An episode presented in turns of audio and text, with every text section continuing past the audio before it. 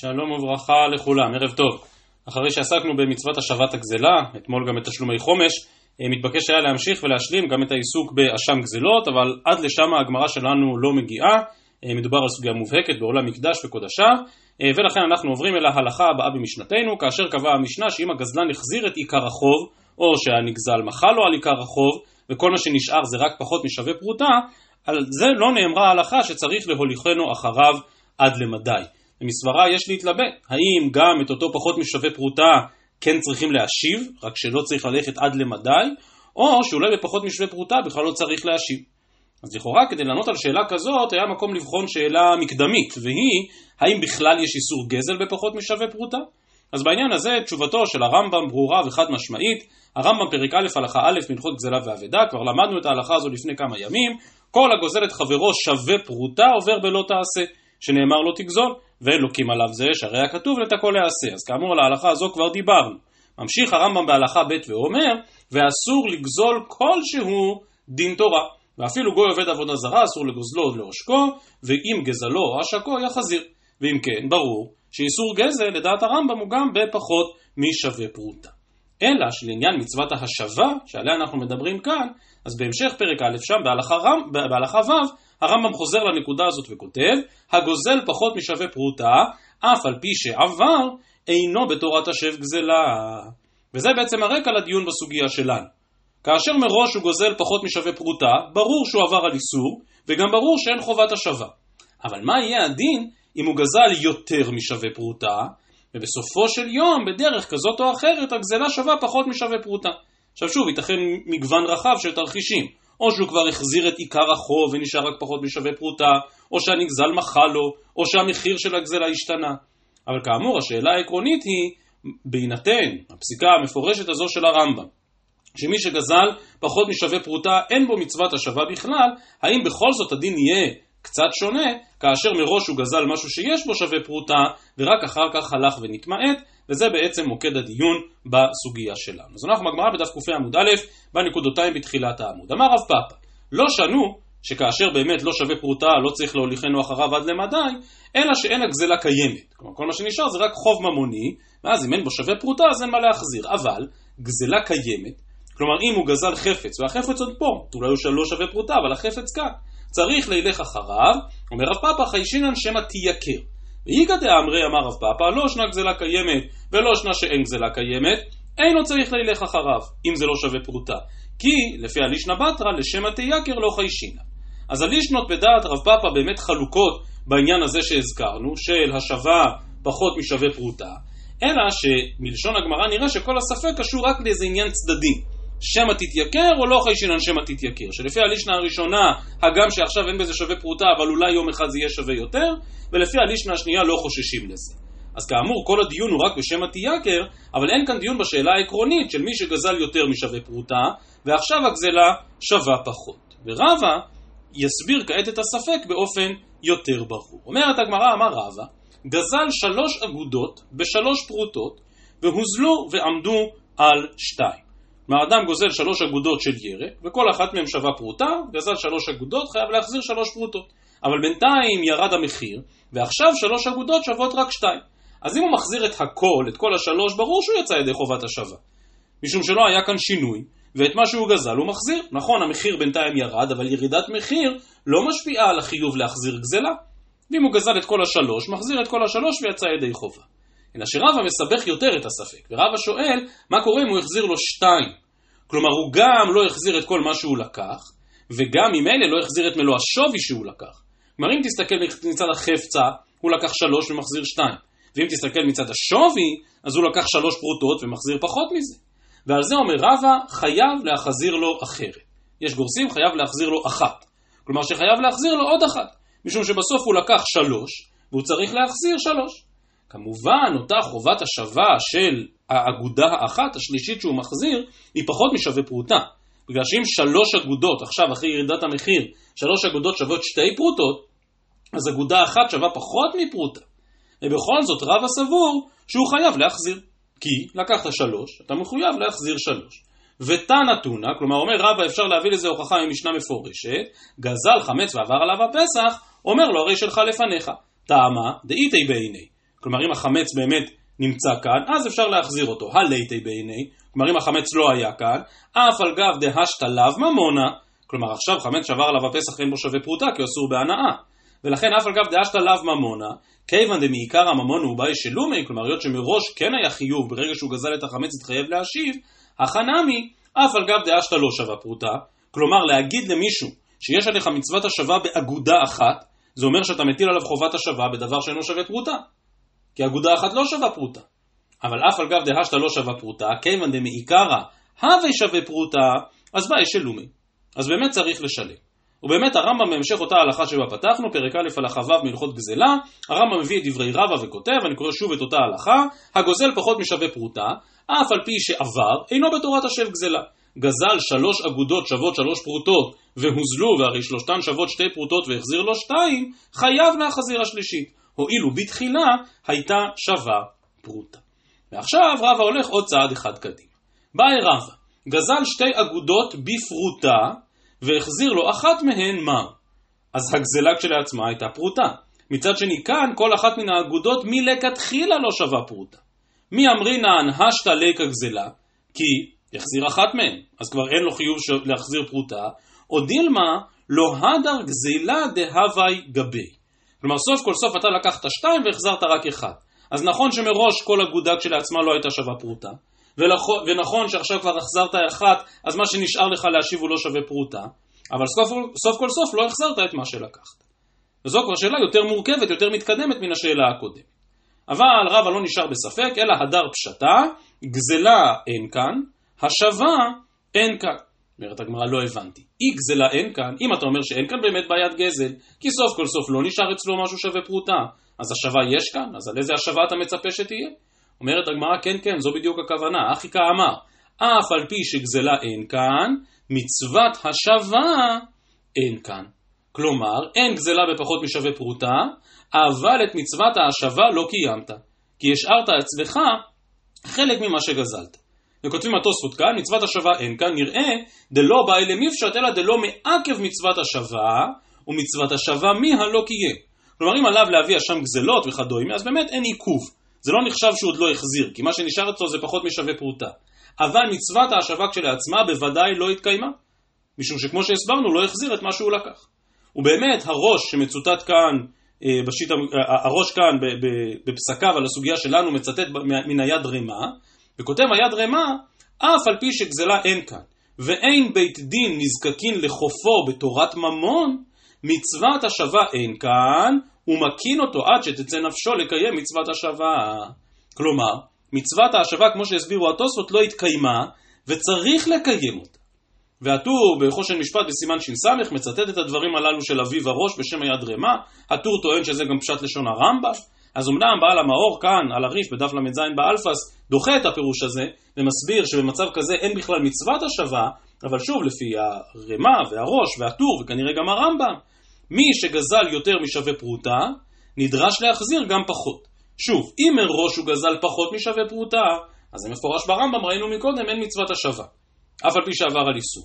אבל אם מראש הוא גזל יותר משווה פרוטה והתחייב במצוות השבה, אז הוא צריך לקיים את מצוות ההשבה הזו באופן מלא, גם אם נשאר אצלו פחות משווה פרוטה. כשלמדנו בשעתו את הסוגיה הזאת, הסביר מורנו הרב ליכטנשטיין, שבאמת צריך לומר שיש שתי הלכות במצוות השבה. הלכה אחת נובעת מהמציאות הממונית. כלומר, ממונו של ראובן ביד שמעון, ממונו של הנגזל ביד הגזלן, והוא צריך להחזיר. יש גם הלכה נוספת במצוות השבה, וזו הלכה שנובעת מהציווי של התורה, של והשיב את הגזלה. עכשיו, לכאורה זה נשמע אותו דבר, למאי נפקא מינה? אז אמר הרב, יש נפקא מינה מובהקת בסוגיה ידועה בסנהדרין, בדף ע"ב, הסוגיה של בבא מחתרת. הגמרא אומרת שמי שבא במחתרת ולקח חפצים, בדמים קנן הוא. כלומר, היות שכאשר הוא בא במחתרת אז הוא מתיר את דמו, כי הבא להורגך השכם להורגו, ממילא אם הוא לקח כל מיני חפצים תוך כדי שבא במחתרת, הוא קנה אותם. מה פתאום? מה הסברה? הסביר הרב ליכטנשטיין שבמצב רגיל של גזלה באמת יש את שני החיובים. חיוב אחד הוא החיוב הממוני הפשוט, תחזיר את מה שלקחת, והחיוב השני זה החיוב שהתורה הטילה עליך. ואז, החיוב שהתורה הטילה עליך, אם הוא בא במחתרת, הוא פטור, כי אם לבית רבא מיני. אנחנו מטילים עליו חיוב מיתה כי הוא בא במחתרת, אי אפשר להטיל עליו עוד מצווה מן התורה להשיב את החפץ. ולכן, אם החפץ הזה נשבר, אז אין כבר מצב של ממון הנגזל ביד הגזלן, וממילא גם אין חובת השבה. והגמרא שם באמת אומרת שאם החפץ עדיין בעין, אז אותו גנב שבא במחתרת צריך להחזיר אותו. אבל אם החפץ נשבר, לא צריך להחזיר אותו. אמר הרב ליכטנשטיין, אם החפץ בעין, אז חובת ההשבה נובעת מהמציאות הממונית, שממונו של הנגזל ביד הגזלן. אם החפץ אינו בעין, אז חובת ההשבה נובעת ממצווה של תורה, ומצווה של תורה אין כאן קיקים לבדרה במיני. יפה. מסתבר שהדוגמה בסוגיה שלנו היא אותו דבר, אבל הפוך. כלומר, מצד דיני ממונות הפשוטים, אתה לא יכול להגיד שיש כאן חובת השבה, משום שאין כאן ממון, פחות משווה פרוטה הוא לא ממון. אבל אם תדבר על מצוות התורה המיוחדת, אותה מצווה שהיד רמה אומר שבית דין כופין אותו עליה כדי לקיים את המצווה, אז יש חובה להחזיר את הגזלה בלי קשר לעולם הממוני. בלי קשר לעובדה שכרגע בגזלה הזאת אין בכלל שווה פרוטה, כך הציע הרב ליכטנשטיין להסביר את ההלכה הזו שלפנינו.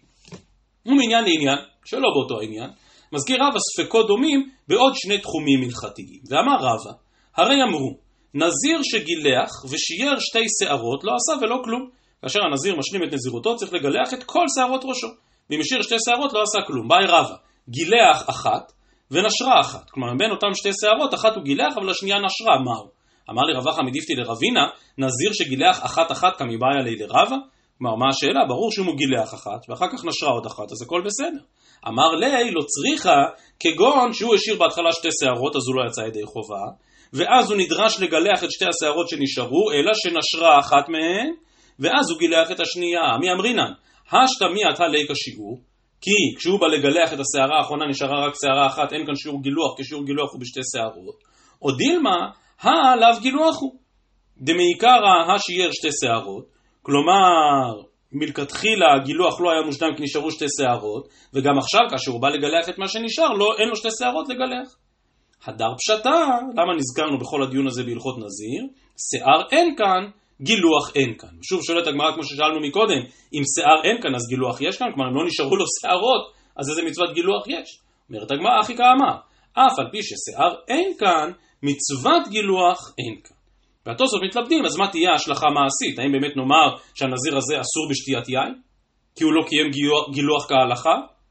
או שאולי באמת זה שגילוח אין כאן זה לא מעכב את סדר הטהרה שלו, אבל הוא החסיר את המצווה.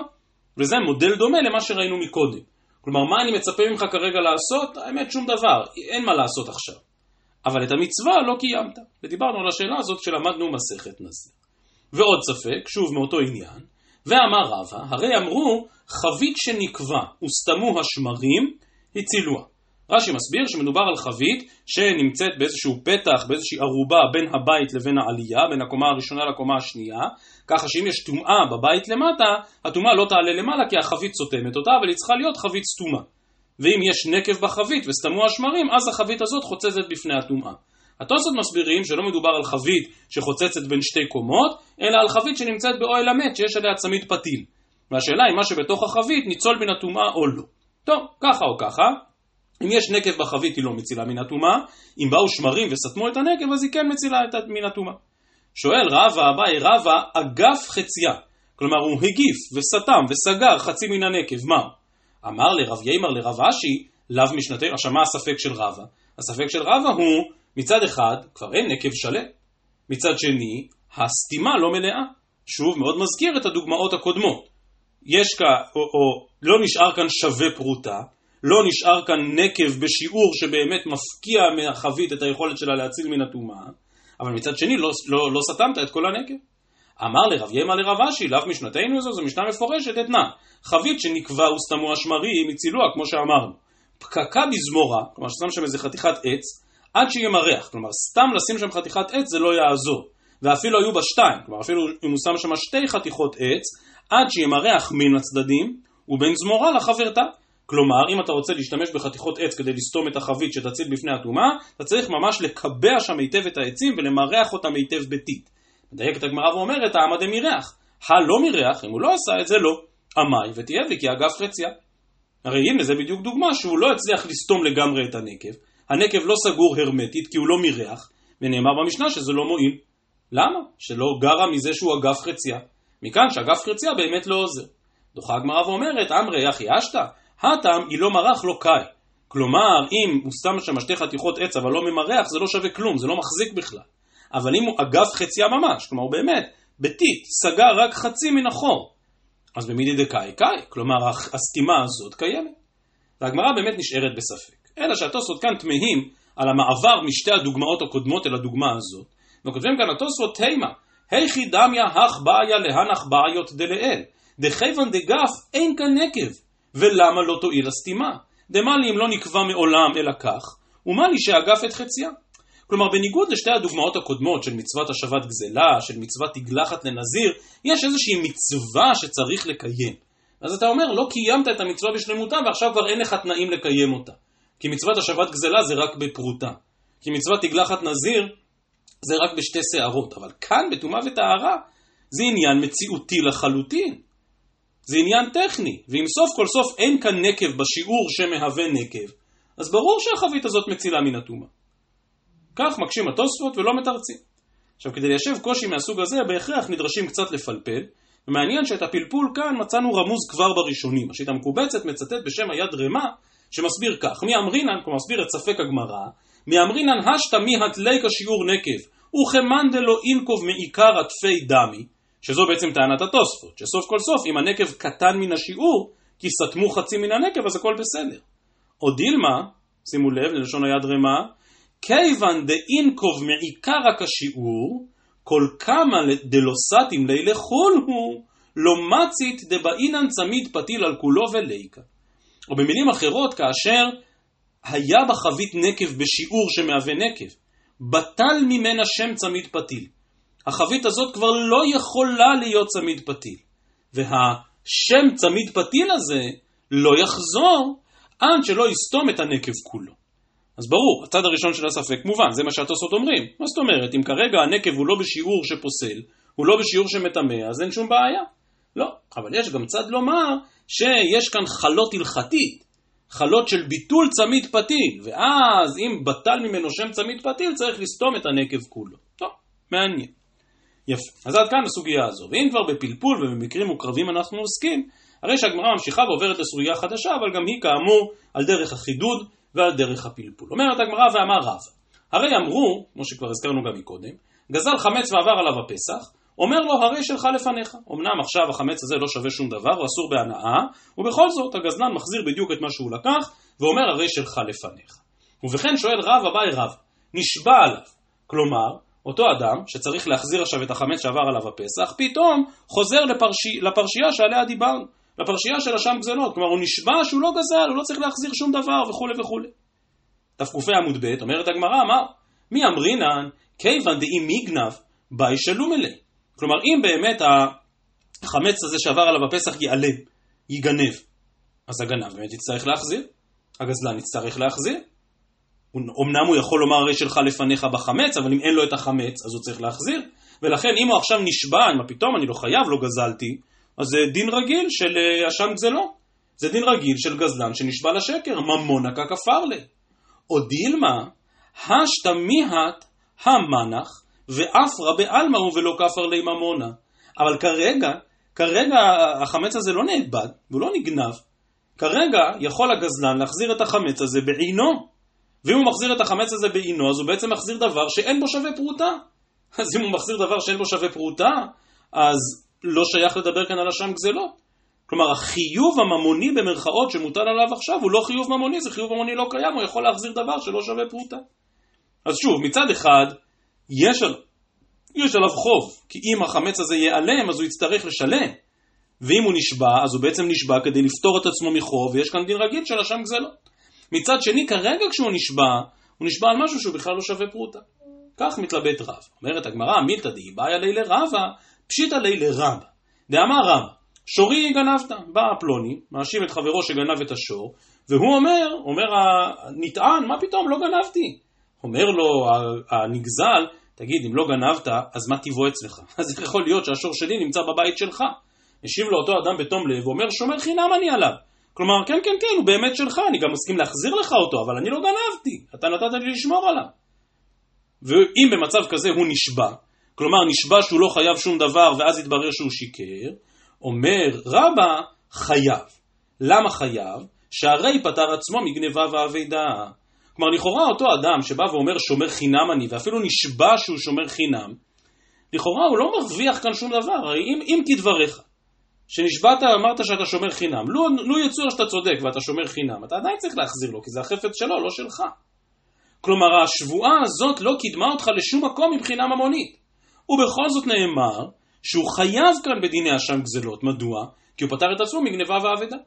שכן, אם באמת הבהמה הזאת אצלך רק אתה שומר חינם עליה, אז נכון שעכשיו אתה צריך להחזיר אותה, אבל אם היא תיגנב אותו ועד אתה לא חייב שום דבר. אבל אליבא דאמת, אתה לא שומר חינם עליה, אליבא דאמת, אתה גזלת אותה. ואם גזלת אותה, אתה חייב באחריות. ולכן שוב, השבועה שאתה נשבע כרגע, לא באמת מועילה לך מבחינה ממונית. כמו בספק של רבא על החמץ. השבועה שאתה נשבע כרגע, שאתה אומר, מה פתאום, לא גזלתי וכולי, זה לא באמת עוזר לך מבחינה ממונית. כי גם בלי השבועה הזאת היית מחזיר את החמץ, שהוא אפרה בעלמא. אבל בראייה עתידית, השבועה הזאת עוזרת לך.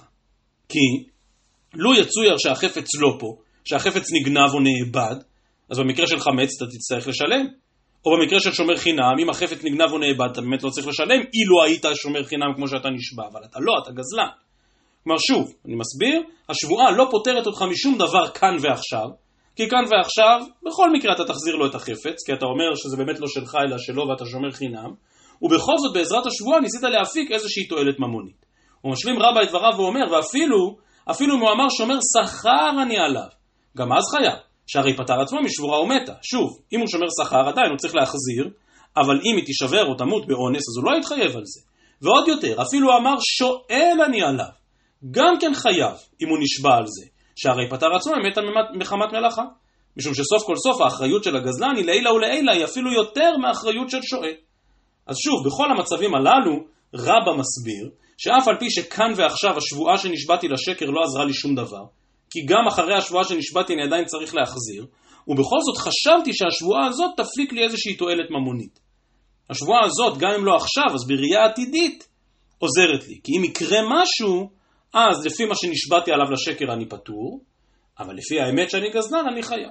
מסכמת הגמרא ואומרת, עלמא, אף על גב דהא קיים, כלומר שהוא באמת נכון להשיב כאן ועכשיו את מה שמדובר, כיוון דהי מיגניב ממונה ככפה, כלומר שסוף כל סוף בשבועה שלו הוא כן מבקש להפיק תועלת ממונית. שוב, הוא מסכים להחזיר, אבל הוא מסכים להחזיר כשומר חינם, כשומר שכר, שלא יתחייב על כל מיני תקלות. ואם ככה השבוע, השבועה הזאת אמורה להועיל לו בכל זאת במשהו. ורבא באמת מחייב על זה. אז השתנמי, במקרה שלנו של החמץ, ממונה ככפר. ולכן, אף על פי שהיות שכרגע השבועה הזאת באמת לא מועילה לך שום דבר, כי עכשיו אתה בסך הכל אמור להחזיר חמץ שעבר עליו הפסח שבלאו הכי אין לו שום ערך, אבל בעתיד השבועה הזאת כן יכולה להועיל לך. וממילא, אומר רבא, היא נתפסת ככפירת ממון ממש, שחייבים עליה אשם גזלות. שוב, נקרא את זה בפנים, הכי נמי, לגבי חמץ שעבר עליו הפסח, אף על גב דאפרא בעלמא הוא, והוא לא שווה שום דבר, כיוון דאי מיגניב באי שלומילי ממונה מעליה, השתנה מממונה ככפר לי. ולכן גם במצב כזה, מחויב כדיני אשם גזלות, מחויב כגזלן שנשבע לשקר. יתיב רבא וכאמר להשמטתא. יושב רבא, רבא מקודם היה ספק, לרבא אין ספק, ורבא יושב ומעיין בחידוש הזה של רבא. הייתי ורב עמרם לרבא, ויש שגורסים הייתי ורב עמרם לרבא, שהוא מקשה ישירות על רבא. וכי חשבה, שזה בדיוק הפסוקים שעליהם אנחנו מדברים, לגבי מי שמכחש ומשקר בגזל או פיקדון וכולי וכולי. פרט למודה בעיקר. כלומר, אם הוא מודה בעיקר הדבר, הוא לא, לא, לא נוהגים בו דיני אשם גזלות. כיצד? בא התובע ואומר שורי גנבת. אומר הנתבע, לא גנבתי, מה פתאום? אז הוא שואל אותו, מה טבעו אצלך אם לא גנבת, אז איך הוא אצלך בבית? ואז שערי תירוצים כידוע לא ננעלו, יש אלף ואחת סיבות למה זה אצלי בבית. כמו למשל, אתה מכרתו לי, או אתה נתתו לי במתנה, או אבא שלך מכר לי, או אביך נתנו לי במתנה, או שהוא בכלל אחרי פרתי רץ, הוא רץ אליי הביתה, או מאליו הוא בא אצלי, או טועה בדרך מצטיב, או שומר חינם אני עליו, שומר שכר אני עליו, שואל אני עליו. כלומר, הוא בא ואומר, אני לא גנב, אני לא גנבתי את זה. איי, מה השור שלך עושה אצלי בבית? לא יודע, הגיע בדרך אחרת, אבל אני לא גנבתי. אם הוא נשבע על כל הטענות האלה, כלומר הוא נשבע שרץ אחרי פרתי, הוא נשבע שאני שומר חינם, נשבע שאני שומר שכר, והתברר שהוא שיקר, יכול שבאמת יהיה חייב, דיני אשם גזלות, כי הוא גזלן שנשבע, תלמוד לומר, אומרת הברייתא, וכיחש בה, פרט למודה בעיקר. כלומר, מה העיקר שהוא מודה בו? הוא מודה שזה לא שלו. הוא אפילו מודה שהוא צריך להחזיר את זה. ולכן במצב כזה אין אשם גזלות. ואם כן, בברייתא הזאת מפורש להדיא בדיוק הפוך מדבריו של רבא. משום שאם כאמור הוא מודה בעיקר, דהיינו הוא אומר בפירוש שזה לא שלו, והוא צריך להחזיר, אז הוא באמת לא חייב בשבועה. אז אם כן, יש כאן ברייתא מפורשת, שאומרת הפוך מדבריו של רבא. אמר לי, שוב, יש גורסים רבא, יש גורסים רבא, תדורה. רש"י מסביר חסר לב. אז כבר דיברנו לפני כמה ימים על זה שלעיתים התגובות, תוך כדי השקלא וטריא, הן תגובות קצת חריפות, כן, גם זה קורה. אבל בכל מקרה, הוא אומר, מהברייתא הזאת בכלל לא שייך להקשות, כי החילוק ברור. כי תניא ההיא דקאמר לי הילך. כלומר, הברייתא מדברת על מצב שבו בא התובע ואומר, רגע, אבל השור הזה בכלל שלי, מה עושה אצלך בבית? והנתבע מיד אומר לו, כן, כן, כן, בוא תיקח, הוא, הוא שלך, אתה צודק, הוא לא אמור להיות פה, הוא רץ לפה במקרה, או, או טועה בדרך מצטיב, בוא ותיקח. תכף ומיד הוא נכון להחזיר. כי כאמינא, מה שרבא אמר מקודם, דקיימא באגם. כלומר, הוא באמת טוען שזה לא אצלו כרגע, וגם טוען שהוא לא גזל את זה, אלא זה הגיע בדרך אחרת. ולכן, אם באים ותובעים אותו והוא מיד מודה בעיקר, כלומר מיד אומר תיקח את זה, תיקח את זה, זה ברור, זה לא צריך להיות אצלי. אז באמת לא נוהגים דיני אשם גזלות, כי הוא מחזיר מיד. אבל אם קיימה באגם, כלומר זה לא נמצא אצלו אלא במקום אחר, וכאמור הוא בא ונשבע שהוא לא גזל את זה וכולי, והתברר שהוא שיקר, על זה אמר רבא שנוהגים דיני אשם גזלות. לגופו של עניין הגמרא אז באמת מבררת את עצם הדין שבברייתא, למשל אתה מכרתו לי, מה אם מודה בעיקר איכא? הרי אם הוא בא ואומר שמכרת את זה, אז הוא לא נכון להחזיר, הוא אומר זה שלי, קניתי את זה, והוא נשבע על זה, ואז מתברר שהוא שיקר והוא גזלן. אומרת הגמרא לא צריכה, דאמר לי, אתה מכרת לי, אבל לא נתתי לך דמי. כלומר לא שילמתי לך על זה, ולכן שקיל טורח וזיל. כלומר, אני קניתי, אבל לא שילמתי, לכן בוא תיקח. וזה בהמשך לאותה אוקימתא של הילך. כלומר הוא אומר, תקשיב בוא בוא ותיקח את זה, אני לא רוצה שתשאיר את זה אצלי. או למשל, אתה נתתו לי, אביך נתנו לי, מה אם מודה בעיקר איכא? הרי שוב, הוא טוען, זה שלי עכשיו. דאמר לי, על מנת דאבינה לך נאיך נפשה ולא עבדי לך. כלומר מראש, אתה נתת לי, או אבא שלך נתן לי, בתנאי שאני גם אגמול לכם טובה, ואני יודע שלא גמלתי לכם טובה, ולכן שוב הוא אומר שקיל טורח וזיל, בוא ותיקח את זה. ואם הוא באמת אומר לו בוא ותיקח את זה, אז הוא לא חייב באשם גזלות, הגם שהוא נשבע לשקר. טועה בדרך מצאתיו, לימה היא באה אליך להדור. כלומר אם הוא בא ואומר זה אבדה, מצאתי את השור שלך אז לקחתי. מה זאת אומרת? מצאת את השור שלי אז היית צריך להחזיר לי אותו, השבת אבדה. אמר אבורת דשמואל, באומר שבועה אבדה מצאתי, ולא הייתי יודע שהיא שלך שאחזירנה לך. כלומר שוב, בא התובע ואומר לנתבע, למה השור שלי אצלך? אז הוא אומר, אני נשבע שמצאתי אותו בדרך. אה, אם מצאת אותו בדרך, למה לא קיימת השבת אבדה? כי לא ידעתי שזה שלך. ולא ידעתי למי להחזיר. ועכשיו, שאתה אומר שזה שלך, בבקשה, בוא ותיקח, אין שום בעיה. אם מתברר בדיעבד שהוא שיקר, אז באמת נוהגים דיני אשם גזלות. סליחה, אז באמת לא נוהגים דיני אשם גזלות, כמו בברייתא, כי הוא אמר לו הילך. אם עומדת באגם, אז באמת נוהגים דיני אשם גזלות. ומתוך שבדוגמה הזו האחרונה שהזכרנו, עסקנו במי שנמצ... שמצא אבדה, ונשבע שלא ידעתי שהיא שייכת לך, עוברת הגמרא מעניין לעניין להלכה אחרת. ההלכות האלה נראות קצת דומות, משום שגם כאן מדובר על מי שנשבע לשקר, אלא שהשבועה הזו שאנחנו מדברים בה עכשיו היא לא קשורה לדיני אשם גזלות, כלומר מי שנשבע על ממון על זולת, אלא להלכה של שבועת העדות. גם זו פרשייה שם בויקרא, אבל בשבועת העדות לא מדובר על אשם, אלא דווקא על קורבן חטאת, קורבן עולה ויורד. דהיינו, ראובן אומר לשמעון, אני תובע ממך לבוא לבית דין ולהעיד לטובתי, ושמעון קופץ ונשבע, אני לא יודע לך עדות. אין לי מה לומר. ובסוף התברר ששמעון כן ידע לו עדות וכן היה לו מה לומר, במצב כזה הוא באמת צריך להביא קורבן חטאת, קורבן עולה ויורד. ובהקשר הזה אומרת הגמרא, תניא אמר בן עזאי, שלוש שבועות הן. זה לא שלוש השבועות המפורסמות של הסוגיה בסוף כתובות, על עלייה בחומה לארץ ישראל וכולי, אלא שלושה מצבים של שבועות שקשורות לעדות על אבדה. מה הם שלושת המצבים? הכיר בה ולא במוצאה, במוצאה ולא בא, לא בא ולא במוצאה. כלומר, ראובן תובע את שמעון שיבוא ויעיד על זה, שלוי מצא אבדה ששייכת לראובן. כלומר ראובן, בא, יש לו דין ודברים עם לוי, הוא אומר רגע, יש חפץ שאני איבדתי, לוי מצא אותו והוא לא החזיר לי, וראובן טוען ששמעון יודע עדות על זה, שמעון יכול להעיד על זה. שמעון קופץ ונשבע ואומר, אני לא יודע כלום, לא מכיר שום עדות. אחר כך מתברר ששמעון שיקר, והוא כן ידע משהו. מה הוא ידע? אז אלה אם כן השלוש שבועות, אלה אם כן שלושת המצבים שבברייתא. דהיינו, אומר שמעון, אני בהתחלה נשבעתי שאני לא יודע כלום, אבל האמת היא שידעתי שזה החפץ שלך. ידעתי שהבהמה הזאת היא שלך, אבל לא ידעתי שלוי הוא זה שמצא אותה. או מצב שני, ידעתי שלוי מצא איזושהי בהמה, רק לא ידעתי שזאת הבהמה שלך. או מצב שלישי אומרת הברייתא, לא בא ולא במוצאה. כלומר, לא ידעתי שזה שלך, וגם לא זיהיתי את מי שמצא. רגע, לגבי המקרה הזה, השלישי, הגמרא מקשה, לא בא ולא במוצא, אז קושטא ישתבא. כלומר, אם באמת אתה לא ידעת של מי החפץ ולא ידעת מי המוצא, אז כשנשבעת שאני לא יודע כלום, השבועה הזאת הייתה אמת. אתה באמת לא יודע שום דבר. ולכן הגמרא מתקנת ואומרת, אימה בא ובמוצאה. כלומר שהוא ידע מי המעבד, ידע מי המוצא, ובכל זאת הוא נשבע, אני לא יודע כלום. אין לי מושג מה להעיד. עכשיו שואלת הגמרא, אז למה היא הלכתה?